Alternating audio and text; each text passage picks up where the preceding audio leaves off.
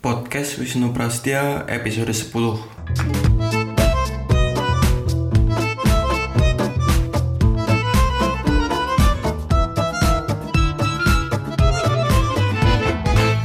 Halo, ketemu lagi. Di episode kali ini saya akan membahas tentang apa yang disebut sebagai media watch, eh, pemantau media. Apa sih pemantau media itu? Lembaga macam apa ini? Ide tema ini sendiri muncul setelah beberapa hari yang lalu saya membaca tweet eh, teman saya eh, Roy Taniago. Dia pendiri dan sebelumnya direktur di Remote TV yang dia bilang apa namanya akan meninggalkan remote TV yang sekarang udah berganti direktur. Nah, buat teman-teman yang belum tahu, remote TV ini pusat kajian media yang salah satu kerjanya melakukan pemantauan uh, konten media. Outputnya bisa uh, tulisan di web, di media sosial, Instagram, Facebook, Twitter, dan juga video-videonya di Facebook. Saya sarankan kalau teman-teman belum tahu coba uh, cek video-videonya remote TV di uh, di YouTube sorry bukan di Facebook di YouTube. Nah saya sendiri kebetulan pernah bekerja di remote TV juga sebelum berangkat kuliah kemarin. Jadi menurut saya ada beberapa hal yang penting untuk dibahas ya. Bukan remote TV-nya ya, tapi eksistensi media watch sendiri di Indonesia kayak gitu. Karena menurut saya hmm,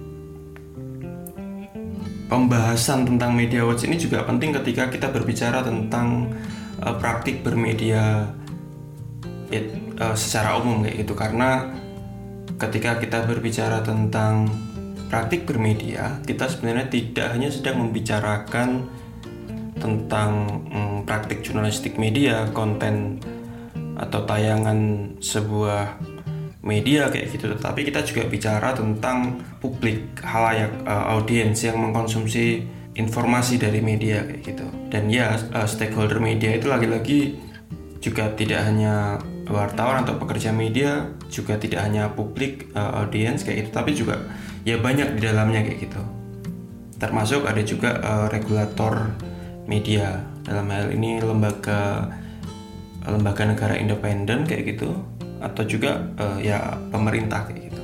Nah ini yang uh, berbagai stakeholder ini yang membentuk uh, lingkungan uh, media itu sendiri. Nah jadi apa sebenarnya uh, media watch itu dalam dalam konteks tersebut? Nah tentu kalau kita berbicara hal yang sifatnya normatif ya saya kira teman-teman tahu semua lah. Kalau kita mendiskusikan media dia sebagai pilar keempat dia sebagai watchdog dan seterusnya kayak gitu. Nah dia mengawasi apa namanya kekuasaan pemerintahan kayak gitu. Nah pertanyaannya kemudian ketika media punya tugas untuk mengawasi hmm, kekuasaan siapa yang kemudian mengawasi media? Karena praktik jurnalistik itu tidak selalu dalam posisi yang benar dia juga punya potensi uh, abuse of power jadi tidak hanya ketika kita ketika kita berbicara tentang kekuasaan uh, apa namanya negara saja kayak gitu. Nah, nah di sinilah peran penting dari apa yang disebut sebagai media watch tadi. Ketika media kemudian melakukan praktik jurnalistik yang mulai bergeser kayak gitu, entah karena keperpihakan politik pemiliknya, entah karena konsekuensi dari perkembangan media sosial yang membuat banyak media kemudian memproduksi memproduksi berita-berita yang clickbait yang minim substansi kayak gitu.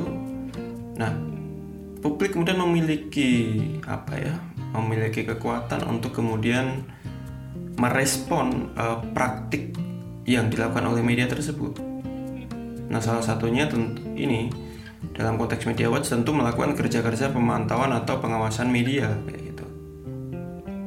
Jadi uh, saya ingat dulu Eh, dosen saya ya Mas Heri Siregar pernah bilang bahwa ya ya media watch itu punya fungsi secara sosiologis ya dalam masyarakat bahwa kemudian sebenarnya uh, media watch atau uh, pemantau media kayak gitu sebenarnya dia melakukan atau sebenarnya dia menggambarkan atau dia sebenarnya merupakan manifestasi kegelisahan publik yang muncul ketika melihat tadi ya praktik jurnalistik yang yang banyak yang melenceng kayak gitu. Jadi keberadaannya itu penting untuk mengukur sejauh apa praktik jurnalistik dijalankan oleh media baik itu seperti saya bilang tadi terkait objektivitas berita maupun berbagai kepentingan uh, di balik pemilik modal kayak gitu juga dari yang sifatnya mikro sampai yang sifatnya makro bicara misalnya bicara ekonomi politik media uh, bicara ownership bicara tentang sistem apa misalnya sistem penyiaran kayak gitu. Nah di banyak negara tidak mengherankan ketika melihat kondisi seperti itu. Beberapa di banyak negara itu praktik media watch itu begitu dihargai kayak gitu. Bahkan misalnya seperti di apa di Amerika Serikat ya keberadaan media watch itu tumbuh subur bisa dibilang kayak gitu.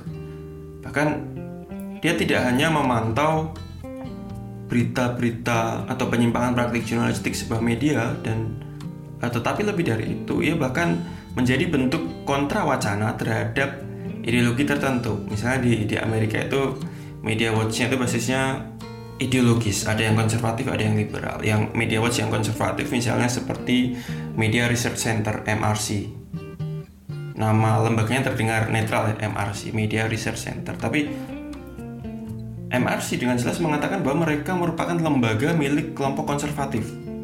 Yang ini ada di webnya teman-teman bisa cek itu. Karena saya kebetulan follow juga di Twitter dan sering buka webnya. Dia bilang bahwa di di profilnya itu dia bilang bahwa ya keberadaan lembaga ini ada untuk memantau sekaligus untuk menetralisir bias sayap kiri yang muncul dalam berita-berita di media-media nasional nasional tertentu. Nah sementara yang yang dari kelompok liberal di Amerika ya ada yang disebut sebagai media matter.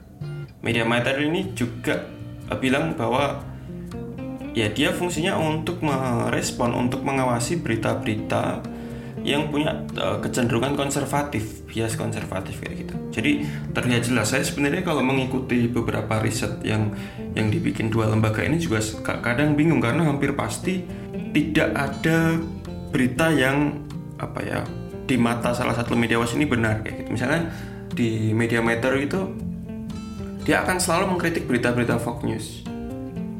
Fox News kan uh, apa televisi yang dimiliki Rupert Murdoch dan memang punya kecenderungan konservatif kayak gitu. Dan sebaliknya di di Media Research Center itu dia sering melihat berita-berita di New York Times, di Washington Post, New Yorker dan seterusnya itu ya punya bias liberal dan riset-risetnya atau bukan riset juga ya tapi ada tulisan-tulisan kritiknya itu sangat-sangat sinis. Jadi kayak nggak ada yang benar saja gitu. Jadi basisnya malah sudah sangat-sangat ideologis kayak gitu ini tapi memang karakteristiknya berbeda dibanding dengan uh, di negara-negara lain lah ya yang memang secara tradisi politik uh, medianya juga berbeda. Termasuk mungkin di Indonesia juga gitu. Nah di Indonesia sendiri uh, mesti dibilang bahwa pemahaman terkait keberadaan media watch ini menurut saya terlihat terasa tidak populer. Khususnya bagi para pemilik media maupun jurnalis. Padahal menurut saya keberadaan media watch ini yang fungsinya adalah meng, uh, menganalisis, mengawasi, bahkan juga mengkritik ya gitu ya kritik yang substantif dari dari media watch terhadap media itu penting karena dia justru bisa menjadi hal untuk mengembangkan mutu jurnalisme itu sendiri kayak gitu. Misalnya di era awal reformasi, gagasan mengenai keberadaan media watch itu akan dianggap sebagai sebuah ide yang aneh karena ide untuk memantau atau mengawasi pers di era demokratis itu kan kerap dituding sebagai upaya atau bentuk untuk menghidupkan kembali semangat otoritarianisme ala Orde Baru. Apalagi kan ya sudah itu terjadi uh, bonanza kebebasan pers ya. Ketika ratusan media bisa terbit kemudian uh, siup apa singkatannya siup surat izin usaha penerbitan pers ditiadakan gitu tapi kemudian kalau teman-teman perhatikan di awal era Orde Baru bukan di awal era Orde Baru di awal era reformasi pasca Orde Baru kebebasan ada banyak istilah yang menyebutkan soal kebebasan pers yang kebablasan. Meskipun itu problematis tapi saya kira relevan untuk melihat kondisi di awal-awal uh, reformasi kayak gitu ya.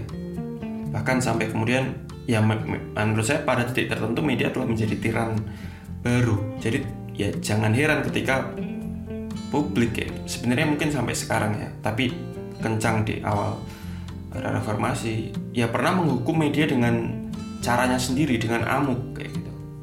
Pemantauan dengan caranya sendiri. Jadi di awal kita menyaksikan di awal reformasi kita menyaksikan bagaimana masyarakat publik kerap melakukan tindak kekerasan terhadap media yang dirasa tidak berimbang dalam memberitakan sebuah uh, isu kayak gitu bentuk-bentuk kekerasan tersebut tentu tidak bisa dibenarkan ya. Bahkan itu muncul sampai belakangan ya. Ketika banyak demo berjilid-jilid dan dan seterusnya banyak aksi kekerasan terhadap wartawan. Tetapi banyak juga sebagian amuk atau kekerasan tersebut yang yang dilatar belakangi oleh kesalahan media yang tidak lengkap menyajikan berita atau terlalu tendensius terlalu tendensius dan seterusnya gitu. Tetapi yang menarik juga uh, begini di awal reformasi juga di tahun 2000-an kayak gitu meskipun tidak populer tetapi banyak lembaga pemantau media itu itu tumbuh kayak gitu. Inisiatif-inisiatif untuk melakukan media monitoring juga muncul. Misalnya kalau teman-teman pernah dengar ada yayasan pantau yang menerbitkan uh, majalah pantau kayak gitu sekarang sudah sudah tidak ada lagi ya majalahnya meskipun yayasan pantau sudah masih ada tetapi dia lebih fokus ke pendidikan jurnalistik ya dengan bikin uh, pelatihan-pelatihan. Dulu juga ada kalau teman-teman belum tahu misalnya ada yang disebut sebagai KIPAS, Yayasan Kajian Informasi Pendidikan dan Penerbitan Sumatera. Itu di di Sumatera. Ada juga Lembaga Studi Pers dan Informasi. Ada ada juga lembaga konsumen media dan dan seterusnya. Jadi banyak sebenarnya kayak gitu. Tetapi kemudian meskipun banyak tapi uh, eksistensinya ini sendiri yang kemudian naik turun ya atau patah tumbuh gitu kira-kira ya. Jadi tidak banyak atau media watch media watch ini tidak mampu bertahan lama untuk mengimbangi arus informasi pemberitaan media yang semakin kencang, semakin masif dan dalam beberapa hal uh, mesti dibilang semakin destruktif kayak gitu. Ada buku menarik yang apa uh, yang melihat pola gerakan pemantauan media ini yang diterbitkan oleh Pusat Kajian Media dan Budaya Populer uh, Pusat Kajian Media di, di Jogja ya judulnya uh, model-model gerakan literasi media dan pemantauan media di Indonesia. Ini udah sudah um, buku lama sih terbit tahun 2013 tapi dia bisa memberikan kita gambaran tentang gerak uh, media watch di Indonesia. Dari buku tersebut beberapa kesimpulan yang bisa diambil misalnya arah gerak media watch itu terbagi menjadi dua. Pertama eh, gerak vertikal bagaimana kemudian media watch bergerak secara vertikal yang biasanya ditandai dengan dua hal juga pemantauan terhadap konten-konten berita dan juga advokasi regulasi atau kebijakan publik yang berkaitan dengan media. Nah, Media Watch ini menganalisis konten media dan memberikan standar penilaian atas konten-konten tersebut. Nah, di, di buku PKMPP tadi yang yang diteliti ada beberapa Media Watch ya, termasuk Remo TV, Lembaga Konsumen Media, kemudian ada PR2 Media, pemantau regulasi dan regulator media, ada juga tadi Yayasan Kipas tadi, ada juga Lembaga Studi Pers dan Informasi kayak gitu. Ya masing-masing Media Watch ini memiliki fokus yang berbeda. Ada yang memantau televisi ada yang memantau uh, media cetak. Ada juga yang uh, fokus pada regulasi media kayak gitu. Nah yang kedua gerak horizontal gerak horizontal ini me me mendasarkan gerakannya pada uh, proses pemberdayaan masyarakat yang yang dilakukan untuk melakukan yang dikerjakan untuk literasi media fokusnya di literasi media jadi tujuannya adalah agar masyarakat bisa menjadi kritis dan mampu menganalisis pesan-pesan yang muncul di media. Dengan begitu, publik bisa aktif atau menjadi apa yang disebut sebagai audiens aktif itu. Ini ini ada ada, ada konsep audiens aktif yang hmm, kayaknya akan kita bahas di di lain waktu saja. Kira-kira intinya bagaimana kemudian audiens bisa secara aktif merespon banjir informasi yang muncul di media. Nah, Media Watch atau lembaga pemantau media yang bergerak secara horizontal ini memiliki sasaran dan target yang beragam. Di Jogja misalnya pernah ada yang disebut sebagai masyarakat peduli media MPM yang mereka fokusnya menyasar salah satunya pernah menyasar ibu-ibu rumah tangga sebagai ujung tombak literasi media. Ada juga rumah sinema eh, yang fokus melakukan literasi media ke pelajar di tingkat sekolah menengah kayak gitu.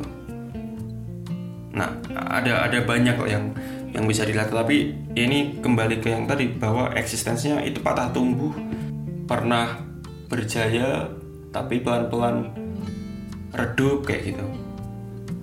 Nah, saya sendiri mencatat kemudian dari krisis eksistensi media watch ini ada beberapa problem mendasar yang dialami oleh media watch ya di atas yang yang yang eksistensinya kemudian membawa pengaruh atau kegagalan yang signifikan untuk memberikan pengaruh dalam skala yang luas. Pengaruh yang di, diberikan oleh media watch ini hanya pada lingkup kecil, terbatas dan atau pada kelompok atau komunitas tertentu. Jadi ya banyak uh, media watch yang kemudian terjebak pada gerakan yang sifatnya parsial dan dan minim kerjasama dengan elemen-elemen atau stakeholder media yang lain seperti yang tadi saya sebut di awal gitu. Konsekuensinya kemudian kerja-kerja advokasi maupun literasi ataupun pemantauan media yang sudah dilakukan itu tidak punya uh, efek yang atau pengaruh yang luas kayak gitu.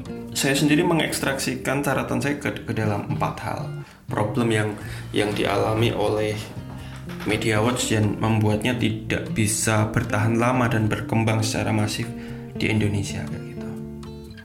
Yang pertama adalah uh, keterbatasan sumber daya manusia, baik dari segi jumlah maupun kualitas dan pengalaman kayak gitu. Juga ada cerita misalnya bahwa ya kebanyakan media watch terdiri dari orang-orang yang berada di luar industri media atau tidak punya background media kayak gitu. Yang meskipun tidak selalu harus seperti itu tetapi uh, minimnya orang-orang yang setidaknya dekat dengan industri media ini dalam pengertian uh, paham cara kerjanya kemudian mengerti logika yang berjalan di dalamnya kayak gitu ya ya membuat entah kritik entah riset entah analisis itu kemungkinan besar tidak akan diindahkan atau malah diabaikan oleh para pelaku atau para praktisi media juga uh, jurnalis kayak gitu kritik maupun masukan dari uh, luar industri media akan dengan mudah dianggap penuh bias dan dan kepentingan tertentu kayak gitu. Jadi saya sendiri punya punya punya banyak pengalaman lah dulu ketika masih di Remote TV dan saya kira juga kawan-kawan Remote TV banyak yang merasakannya ketika kemudian duduk bareng dengan banyak uh, praktisi dari dunia media itu ketika menyampaikan kritik ya ada ada beberapa yang merespon kritik dengan dengan saya kira positif kayak gitu. Tetapi banyak juga yang mengabaikan kayak gitu. Saya masih ingat misalnya ketika uh, Remote TV pernah mengkritik dulu kalau teman-teman ingat ada kejadian pembakaran masjid ya yang di Tolikara dulu itu dua atau tiga tahun lalu yang kemudian banyak berita-berita media yang uh, ngacau dan memperparah penyebaran informasi yang membuat potensi konflik itu justru meninggi gitu. Nah, Remote TV melakukan analisis pemantauan dan kemudian beberapa saat sesudahnya ada diskusi di, di Dewan Pers yang di, diikuti oleh beberapa pemimpin redaksi media. Dan saat itu saya hadir yang uh, apa namanya ketika menyampaikan kritik ya ya direspon bahwa apa ya kira-kira intinya kritik dari Remote TV itu di, diabaikan kayak gitu. Dianggap tidak tidak apa ya tidak penting lah kira-kira. Nah ini menurut saya juga juga problem ya kemudian yang selanjutnya yang kedua menurut saya problem yang dihadapi oleh media watch di Indonesia adalah ketergantungan terhadap lembaga donor saya kira sudah menjadi rahasia umum ya mungkin ya bahwa banyak lembaga atau gerakan masyarakat sipil kayak itu di Indonesia yang kerap kesusahan menjalankan Eh, berbagai program jika tidak ada dukungan dari lembaga donor khususnya atau terutama secara finansial ya. Tentu ketika dukungan ini tidak ada, program-program pemantauan yang yang ada atau uh, riset yang akan dikerjakan ya ya tidak bisa dikerjakan kayak gitu. Dan ini menurut saya ketika ketergantungan terhadap lembaga donor ini tidak disikapi dengan serius oleh lembaga uh, pemantau media, Media Watch, ya dia justru bisa mematikan Media Watch itu sendiri karena tidak bisa sepenuhnya uh, Media Watch itu bergantung pada donor. Nah, ketergantungan inilah yang menurut saya terlihat dari banyak apa ya redupnya banyak Media Watch tadi kayak gitu. Nah, kemudian yang ke yang ketiga kemudian adalah minimnya publikasi, riset atau tulisan atau produk yang dihasilkan oleh mm, Media Watch. Diseminasi hasil riset adalah proses yang sangat penting setelah riset itu sendiri. Melalui uh, diseminasi riset atau analisis atau uh, apa pun yang dikerjakan oleh media watch, publik bisa mengetahui apa yang salah dengan berita-berita di media atau tayangan-tayangan di televisi gitu. Dan it, ini tentu sebenarnya kita tidak bisa mengandalkan media untuk meliput riset kita karena kemungkinan besar media tidak akan meliput uh, riset atau sesuatu yang mengkritik diri mereka sendiri sebagian besar karena mereka sendiri yang sedang menjadi objek kritik, objek bahasan, objek analisis. Nah, minimnya kreativitas untuk melakukan publikasi ini berimbas pada media watch yang yang berjalan sendiri-sendiri seperti tidak terkoneksi dan mungkin memang tidak terkoneksi. Padahal ketika kita berbicara dalam konteks industri media yang semakin menggurita kerja kolektif itu buat saya tentu menjadi sebuah kebutuhan kerja berjejaring kayak gitu meluaskan jaringan sehingga efek apa yang kita kerjakan riset yang dilakukan itu bisa jauh lebih berdampak kayak gitu. Kemudian eh, catatan saya yang keempat adalah bahwa media watch itu banyak yang tidak melibatkan publik. Padahal ketika kita berbicara media watch melakukan pemantauan media ya mestinya kan pada dasarnya adalah agar publik bisa lebih berdaya dalam menerima terpana arus informasi kayak gitu dan hasil-hasil pemantauan media ini yang yang menjadi bekal bagi publik untuk mengakses atau melihat media secara kritis bahkan kalau dalam skala tertentu misalnya ya dia juga bisa menjadi alat atau amunisi untuk membentuk gerakan advokasi terhadap uh, konten media yang yang dianggap merugikan gitu. artinya kerja-kerja yang lebih partisipatif dengan melibatkan masyarakat itu sangat sangat sangat diperlukan oleh Media Watch kayak gitu. Saya sendiri melihat empat catatan tersebut beberapa kelemahan Media Watch bisa jadi muncul karena usia kebebasan pers kita yang masih ya sebut saja menginjak remaja lah ya asumsinya kebebasan pers kita masih 20 hampir 20 tahun kayak gitu dan sebenarnya dibilang bebas juga tidak bebas banget karena pers sendiri juga masih dalam banyak ancaman baik dari kekerasan terhadap wartawan sampai juga kultur ketakutan yang muncul karena ada banyak regulasi yang drakonian seperti misalnya undang-undang ITE apa pasal-pasal terkait pencemaran nama baik dan seterusnya kayak gitu. Nah, dalam konteks kebebasan pers yang masih remaja itu yang saya kerucutkan dalam dalam uh, posisi media watch ya yang membuat media watch itu atau literasi media sendiri masih mencari bentuk yang ideal apalagi misalnya di sekarang di era digital ada yang disebut sebagai literasi digital. Jadi tambah tambah uh, berlipat lagi lah. Belum dewasa tapi sudah banyak tantangannya. Jadi masih banyak hal yang mesti PR yang mesti dikerjakan kayak gitu.